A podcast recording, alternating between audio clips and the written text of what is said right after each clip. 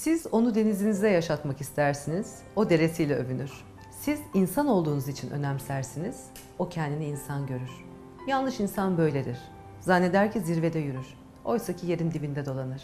Kibrit çöpü kadar ışık saçmaz, kendini olimpiyat meşalesi sanır. Utanması gerekirken hatalarından, o utanmaz, zavallı kader utanır.